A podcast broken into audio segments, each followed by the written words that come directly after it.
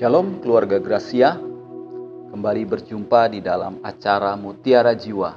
Saya percaya acara Mutiara Jiwa yang kita dengar boleh menjadi berkat bagi tiap-tiap kita. Kebenaran firman Tuhan yang boleh kita dengar menjadi sarana untuk bertumbuh kerohanian kita, bahkan boleh menjadi kekuatan di dalam kehidupan kita sehari-hari. Sebelum kita mendengarkan bagian dari kebenaran firman Tuhan, Mari kita bersama-sama bersatu hati di dalam doa.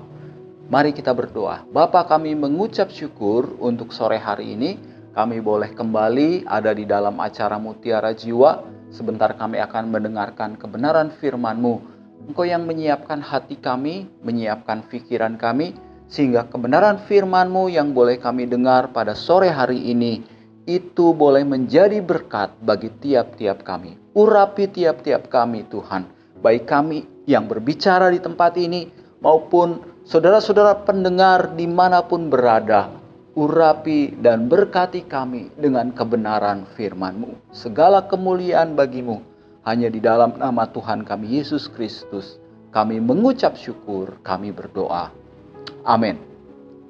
Baik keluarga Gracia, senang sekali sore hari ini kita boleh kembali berjumpa di dalam acara Mutiara Jiwa saat ini adalah minggu-minggu Natal di mana kita merayakan kelahiran Tuhan Yesus Kristus ke atas muka bumi.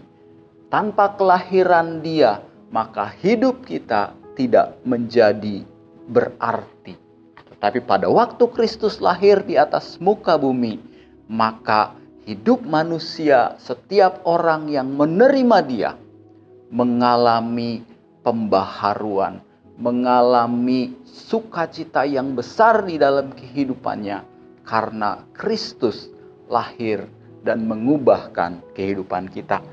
Tema firman Tuhan pada sore hari ini adalah Natal kesukaan besar bagi dunia. Firman Tuhan di dalam Lukas pasalnya yang kedua ini menceritakan tentang kelahiran Tuhan Yesus di kota Bethlehem. Saya akan bacakan mulai ayat 8 dikatakan demikian. Di daerah itu ada gembala-gembala yang tinggal di padang menjaga kawanan ternak mereka pada waktu malam. Tiba-tiba berdirilah seorang malaikat Tuhan di dekat mereka dan kemuliaan Tuhan bersinar meliputi mereka dan mereka sangat ketakutan. Lalu kata malaikat itu kepada mereka, "Jangan takut, sebab sesungguhnya aku memberitakan kepadamu kesukaan besar untuk seluruh bangsa. Hari ini telah lahir bagimu juru selamat, yaitu Kristus Tuhan di kota Daud." Jadi pada waktu gembala-gembala sedang tinggal di padang menjaga kawanan ternak mereka pada waktu malam, maka seorang malaikat Tuhan berdiri di dekat mereka untuk membawa kabar kepada para gembala. Apa kabar yang dibawa oleh malaikat Tuhan pada waktu itu? Dikatakan, sebab sesungguhnya aku memberitakan kepadamu kesukaan besar untuk seluruh bangsa. Ini satu hal yang luar biasa, keluarga Gracia. Dikatakan suatu kesukaan besar bukan hanya untuk para gembala yang saat itu ditemui oleh malaikat. Bukan juga hanya untuk orang-orang Israel yang hidup di kota Bethlehem, tempat kelahiran Kristus, saat itu. Tetapi malaikat Tuhan memberitakan sesuatu yang luar biasa, kesukaan besar yang luar biasa, dikatakan untuk seluruh bangsa. Kalau untuk seluruh bangsa, berarti semua bangsa di muka bumi ini patut bersuka cita karena kelahiran Kristus. Kesukaan besar untuk seluruh bangsa, termasuk untuk saya, dan untuk Bapak, Ibu, Saudara sekalian. Ini yang luar biasa. Apa berita yang disampaikan oleh malaikat Tuhan, kesukaan besar bagi seluruh bangsa? Dikatakan hari ini telah lahir bagimu juru selamat, yaitu Kristus Tuhan di kota Daud. Lahirnya seorang juru selamat itu menjadi satu kesukaan yang besar bagi seluruh bangsa. Kesukaan besar bagi seluruh dunia. Dan berita itu tetap ada dan akan terus diberitakan sampai hari ini.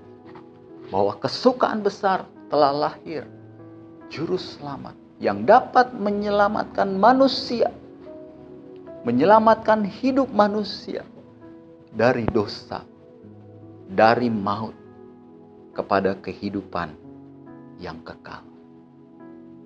Satu berita sukacita, karena itu kita menyambut Natal dengan sukacita, bukan dengan pesta pora, bukan juga dengan benda-benda yang kita beli untuk menghiasi hari Natal. Bukan juga dengan pakaian yang baru atau pernak-pernik yang biasa kita gunakan di waktu Natal, tetapi kita merayakannya dengan sukacita. Karena juru selamat itu sudah lahir di atas dunia. Juru selamat yang dapat menyelamatkan manusia dari dosa, dari hukuman kekal kepada kehidupan yang kekal. Roma pasalnya yang ketiga ayatnya eh, Yohanes pasalnya yang ketiga ayatnya yang ke-16 dikatakan karena begitu besar kasih Allah akan dunia ini sehingga ia mengaruniakan anaknya yang tunggal supaya setiap orang yang percaya kepadanya tidak binasa, melainkan memperoleh hidup yang kekal. Setiap orang yang percaya kepada Sang Juru Selamat, kepada Kristus Tuhan yang kelahirannya diberitakan oleh malaikat kepada para gembala.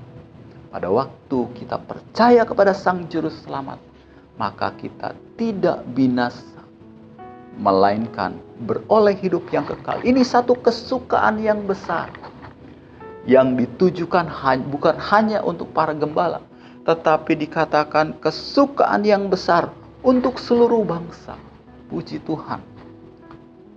Tidak memandang bangsa apa pun, suku apa pun, kelahiran Kristus diberitakan menjadi kesukaan besar kelahiran Kristus diberitakan bahwa telah lahir bagimu juru selamat yaitu Kristus Tuhan di kota Daud. Setiap orang yang percaya kepadanya tidak binasa melainkan beroleh hidup yang kekal. Firman yang telah menjadi manusia. Di dalam Yohanes pasalnya yang ke-1, ayat yang ke-1 dikatakan. Pada mulanya adalah firman. Firman itu bersama-sama dengan Allah dan firman itu adalah Allah. Ia pada mulanya bersama-sama dengan Allah. Segala sesuatu dijadikan oleh Dia dan tanpa Dia tidak ada sesuatu pun yang telah jadi dari segala yang telah dijadikan.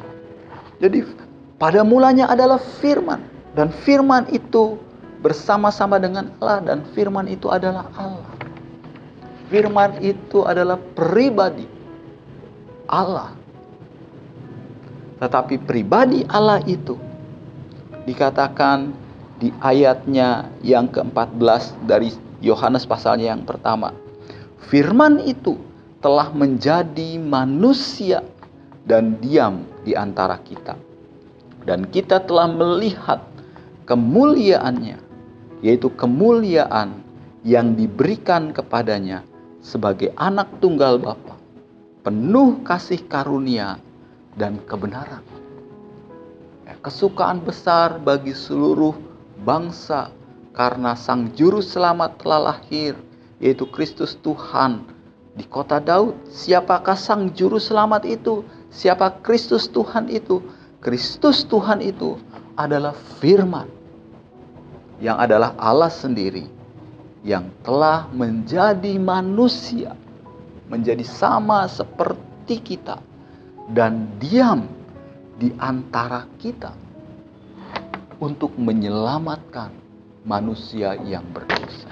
Karena begitu besarnya kasih Allah, kasih Bapa kepada dunia ini sehingga ia mengutus anaknya, firman yang hidup itu untuk menjadi manusia, menjadi sama seperti kita. Satu tujuannya yaitu menjadi juru selamat manusia sehingga kita orang yang percaya kepadanya tidak lagi mendapatkan penghukuman, tidak binasa, tetapi kita memperoleh hidup yang kekal di dalam Yesus. Yesus datang ke atas muka bumi ini hanya punya satu tujuan, menjadi juru selamat manusia. Tetapi untuk menjadi juru selamat manusia ada harga yang harus dibayar. Dan harga itu telah lunas dibayar oleh Kristus dengan cara dia mati di atas kayu salib menanggung hukuman dosa yang seharusnya diterima oleh manusia. Dia yang tidak berdosa dijadikannya berdosa dan menerima menanggung hukuman yang seharusnya diterima oleh manusia di atas kayu salib. Bahkan dia mati dan yang luar biasa pada hari yang ketiga dia bangkit kembali mengalahkan dosa dan maut kelahiran Kristus adalah kesukaan yang besar bagi seluruh bangsa, bagi saudara dan saya. Karena dengan kelahiran Kristus, percaya kepada Dia, kita memperoleh hidup yang kekal. Tanpa kelahiran Kristus, maka kita berada di bawah hukuman dosa di bawah penghukuman yang kekal.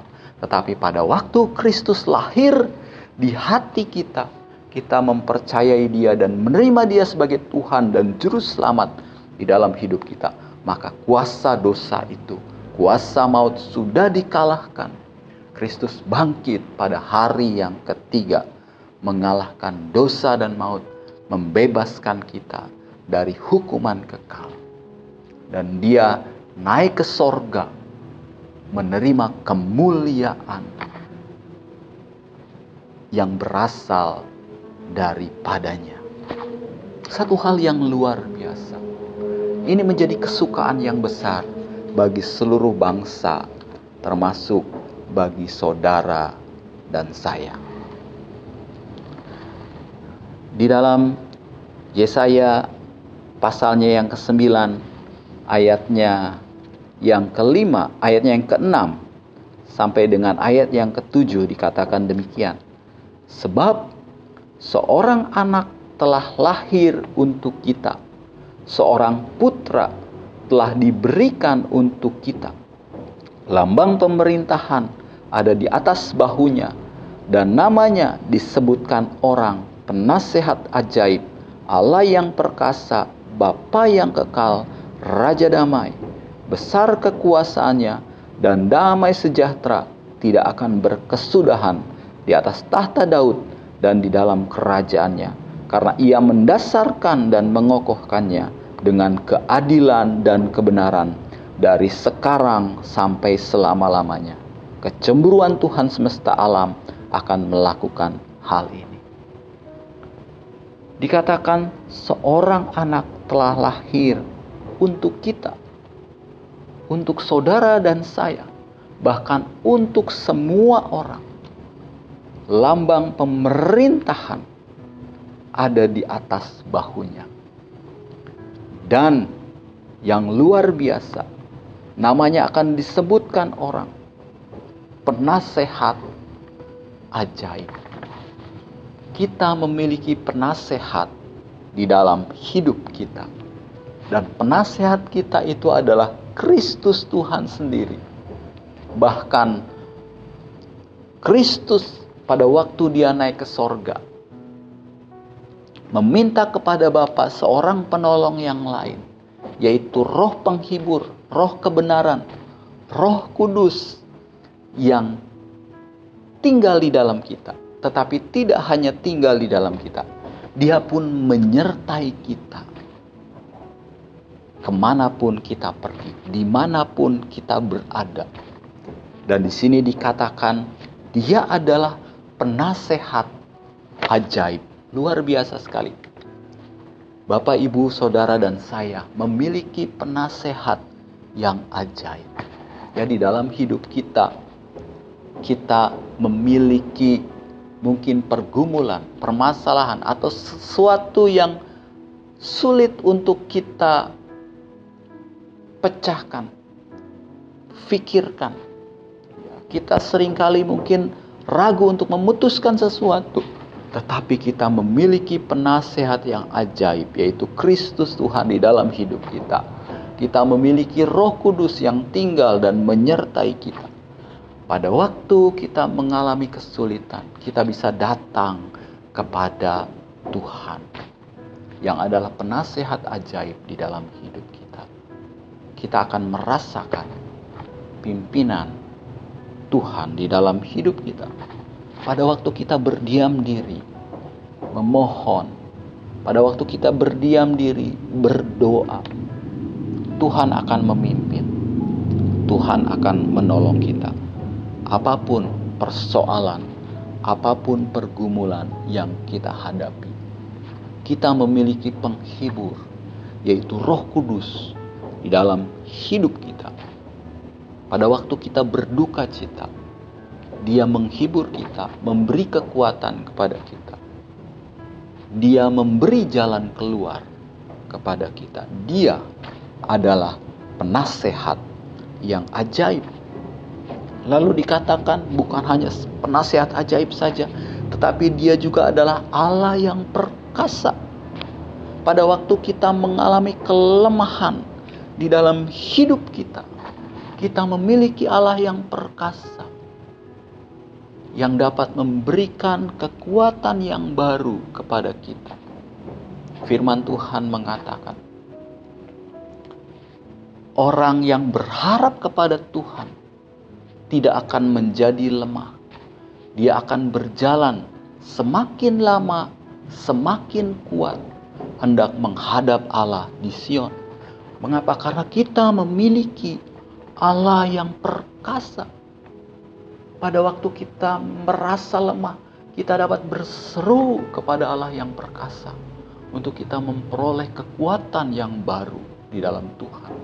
Ya di dalam ratapan dikatakan bahwa kasih setia Tuhan itu selalu baru setiap pagi. Sehingga dengan kasih setia Tuhan di dalam hidup kita, kita boleh mengalami kesegaran tiap-tiap hari. Kita boleh mengalami pengharapan tiap-tiap hari. Mengalahkan setiap persoalan-persoalan yang kita hadapi. Kita dapat menang menghadapi setiap persoalan-persoalan yang kita hadapi. Kita dapat tetap kuat karena kita memiliki Allah yang perkasa di dalam hidup kita. Selain dia adalah Allah yang perkasa, dia adalah juga Bapa yang kekal. Dia adalah Bapa kita. Bapa yang memelihara kita. Bapa yang memperhatikan hidup kita. Bapa yang memenuhi segala keperluan kita. Dia yang memelihara hidup kita. Firman Tuhan katakan, burung di udara dia pelihara. Bunga di padang dia hiasi. Karena itu dikatakan janganlah kamu khawatir akan apa yang akan kamu makan, akan apa yang kamu pakai, karena kita memiliki Bapa yang kekal, Bapa yang kekal yang memperhatikan kita tiap-tiap hari, Bapa yang kekal, Bapa yang memelihara hidup kita. Bapa yang kekal, Bapa yang mengenal siapa kita. Mungkin ada banyak orang di sekitar kita. Mungkin kita punya teman, kita punya sahabat. Tetapi Bapa yang kekal adalah Bapa yang mengerti, yang mengenal, dan yang mengetahui apa yang orang lain tidak ketahui. Dia tahu dia bukan Bapa yang sementara. Kita memiliki Bapa di muka bumi, Bapa kandung. Tetapi Bapa kandung kita sementara, terbatas usianya, kita pun terbatas usianya. Tetapi Allah kita, Dia adalah Bapa yang kekal. Akan selalu bersama-sama dengan kita sampai dari kekal sampai kekal. Dia adalah Bapa yang kekal di dalam hidup kita. Oleh karena itu, keluarga Gracia yang saya kasih dalam Tuhan, dengan lahirnya juru selamat itu menjadi kesukaan yang besar bukan hanya bagi para gembala tetapi kesukaan yang besar bagi seluruh bangsa bagi kita karena di dalamnya ada pengharapan-pengharapan yang luar biasa. Karena kita mengenal Sang Juru Selamat yang adalah Bapa yang kekal. Selain dia Bapa yang kekal, dia pun adalah Raja damai. Ada banyak orang yang kehilangan damai saat ini. Apa pun bisa dibeli. Ya, Barang-barang yang mewah bisa dibeli. Makanan yang enak bisa dibeli jikalau memiliki uang. Ya, tetapi apakah damai sejahtera bisa dibeli? Tidak ada yang bisa atau membeli damai sejahtera dan tidak ada yang menjual damai sejahtera. Tidak ada yang dapat memberikan damai sejahtera kecuali satu, sumber damai sejahtera itu sendiri, yaitu Raja Damai. Ya, Bapa yang kekal, Sang Juru Selamat. Kalau bicara damai, saya senang dengan ilustrasi. Ada tiga orang pelukis sedang melukis judulnya adalah damai. Nah, yang seorang melukis gunung, pegunungan, daerah pegunungan yang sejuk, daerahnya tenang. Lalu disebut itu damai. Lalu ada pelukis yang kedua melukiskan uh, langit yang biru, lalu pantai yang tenang, lalu pasir yang putih dan ada orang-orang yang sedang berjemur dan anak-anak bermain di pinggir pantai.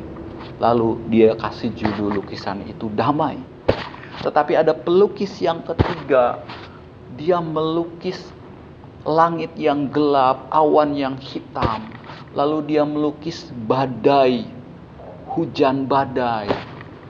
Ya, lalu dia melukis satu dinding batu karang dan dia buat di dalam batu karang itu ada lubang dan di lubang itu ada beberapa ekor anak burung dan anak burung di dalam lubang itu sedang menyanyi walaupun situasinya adalah hujan badai awan gelap, tetapi burung itu menyanyi di dalam sangkarnya.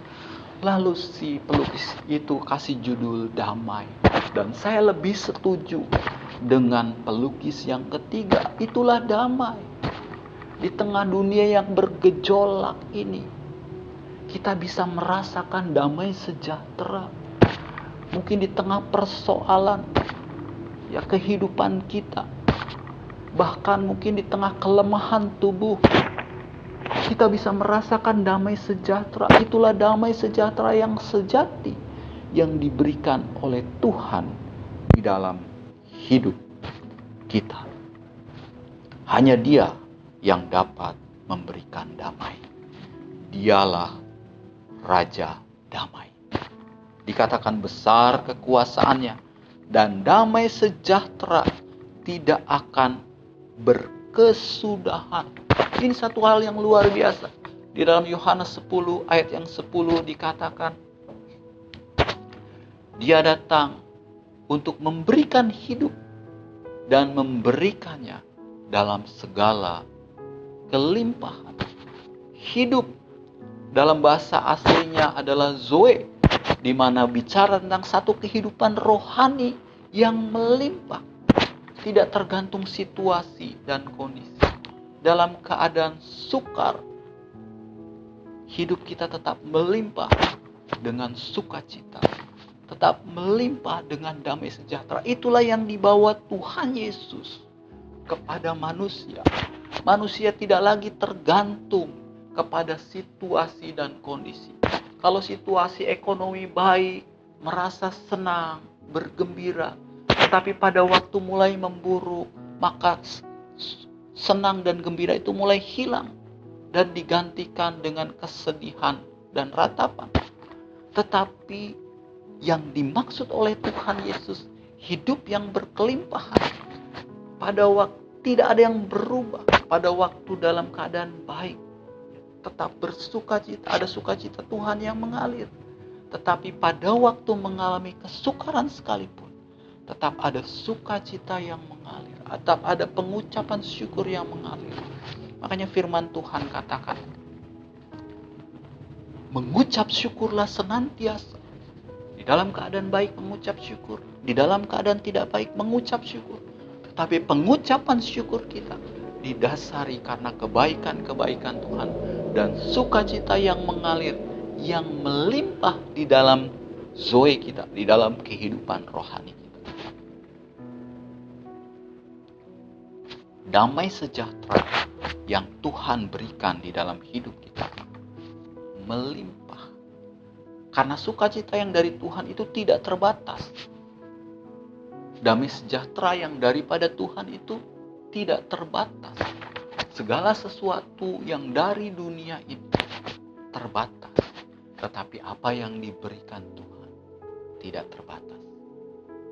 Di dalam Yohanes dikatakan, di dalam hatinya, dari dalam hati akan mengalir aliran-aliran air hidup. Bagi siapa? Bagi setiap orang yang percaya kepada Sang Juru Selamat. Juru Selamat lahir di dalam hatinya. Dulu, 2000 tahun yang lalu, Sang Juru Selamat, firman Allah yang hidup, menjelma menjadi manusia, menjadi uh, daging, lahir di kandang Bethlehem. Itu menjadi satu kesukaan yang besar bagi seluruh bangsa. Tetapi hari-hari ini Kristus lahir di dalam hati tiap-tiap kita. Pada waktu Kristus lahir di dalam hati tiap-tiap kita, maka ada sukacita yang kita rasakan, sukacita yang bukan berasal dari dunia. Sukacita yang dapat mengubahkan hidup kita, yang dapat mengubahkan kekecewaan kita, yang dapat mengubahkan kepahitan kita, yang dapat mengubahkan kesedihan kita, yang dapat mengubahkan kekecewaan. Pada waktu Kristus lahir, Dia mengubahkan segala sesuatu. Dia memberikan sukacita yang mengalir. Dia memulihkan hati yang terluka. Dia memulihkan, bahkan menyingkirkan, menyembuhkan kepahitan-kepahitan di dalam hidup kita. Kita yang tidak dapat mengampuni bisa mengampuni karena Kristus lahir di dalam hidup kita. Kasih yang baru ada di dalam hidup kita. Damai sejahtera ada di dalam hidup kita. Karena Kristus lahir di dalam hidup kita. Itu menjadi satu kesukaan yang besar bagi seluruh dunia. Karena itu, dalam momen Natal di tahun ini, mari pastikan tiap-tiap pribadi kita sudah menerima Kristus lahir di dalam hati kita. Karena kalau kita sudah menerima Kristus lahir di dalam hati kita, maka kita menerima benih ilahi itu. Dia menjadi penasehat yang ajaib di dalam hidup. Dia menjadi Allah yang perkasa yang memberikan kekuatan kepada kita tiap-tiap hari. Dia menjadi Bapa yang kekal, yang memeliharakan, yang memperhatikan hidup kita. Dia adalah Raja Damai yang menjadi sumber damai sejahtera di dalam hidup kita. Yang menjadi sumber sukacita di dalam hidup kita. Dan kita meladeni Kristus. Dia sudah memberikan hidupnya bagi kita. Kita pun boleh menjadi berkat bagi orang-orang sekitar kita supaya mereka yang belum menerima Kristus lahir dalam hidup mereka melalui kehidupan kita mereka boleh menerima Kristus lahir di dalam hidup mereka dan hidup mereka boleh diubahkan oleh Tuhan. Haleluya. Selamat merayakan Natal, selamat bersuka cita dan biarlah Tuhan memberkati kita. Amin. Keluarga Gracia, sebelum kita menutup acara Mutiara Jiwa pada sore hari ini, mari kita bersatu hati di dalam doa mengucap syukur kepada Tuhan. Bapak kami mengucap syukur pada sore hari ini kami boleh mendengarkan kebenaran firman Tuhan, kabar kesukaan bukan hanya bagi para gembala, bukan hanya kepada orang-orang yang hidup pada masanya pada waktu itu di Israel, tetapi malaikat Tuhan membawa berita kesukaan besar bagi seluruh bangsa, bagi saya, bagi saudara-saudara yang kami yang ada di rumah, bagi setiap orang itu menjadi kesukaan besar kelahiran Kristus. Dan bila kami berdoa pada sore hari Kristus itu boleh lahir hati tiap-tiap kami. Kami boleh percaya kepada Dia, kami boleh diselamatkan. Dia adalah juru selamat di dalam hidup kami dan hidup kami memperoleh perubahan di dalam Engkau. Memiliki sukacita dan damai sejahtera karena Engkau adalah Raja Damai di dalam hidup kami. Kami berdoa untuk setiap keluarga Gracia di mana pun berada. Jikalau mengalami permasalahan-permasalahan Tuhan, Engkau yang turut campur tangan. Memberikan jalan keluar dan kekuatan. Kalau ada yang sakit, Engkau yang menjamah. Engkau yang menyembuhkan. Sehingga boleh kembali sehat dan menikmati kebaikan-kebaikan Tuhan di dalam hidup. Terima kasih Bapa, terpujilah namamu. Segala kemuliaan bagimu. Kami mengucap syukur, kami berdoa hanya di dalam nama Tuhan Yesus Kristus, Tuhan dan Juru Selamat kami. Haleluya. Amin. Baik keluarga Gracia, sekali lagi saya Pendeta Agus Cahyadi mengucapkan selamat hari Natal dan selamat menyongsong tahun baru 2023. Amin.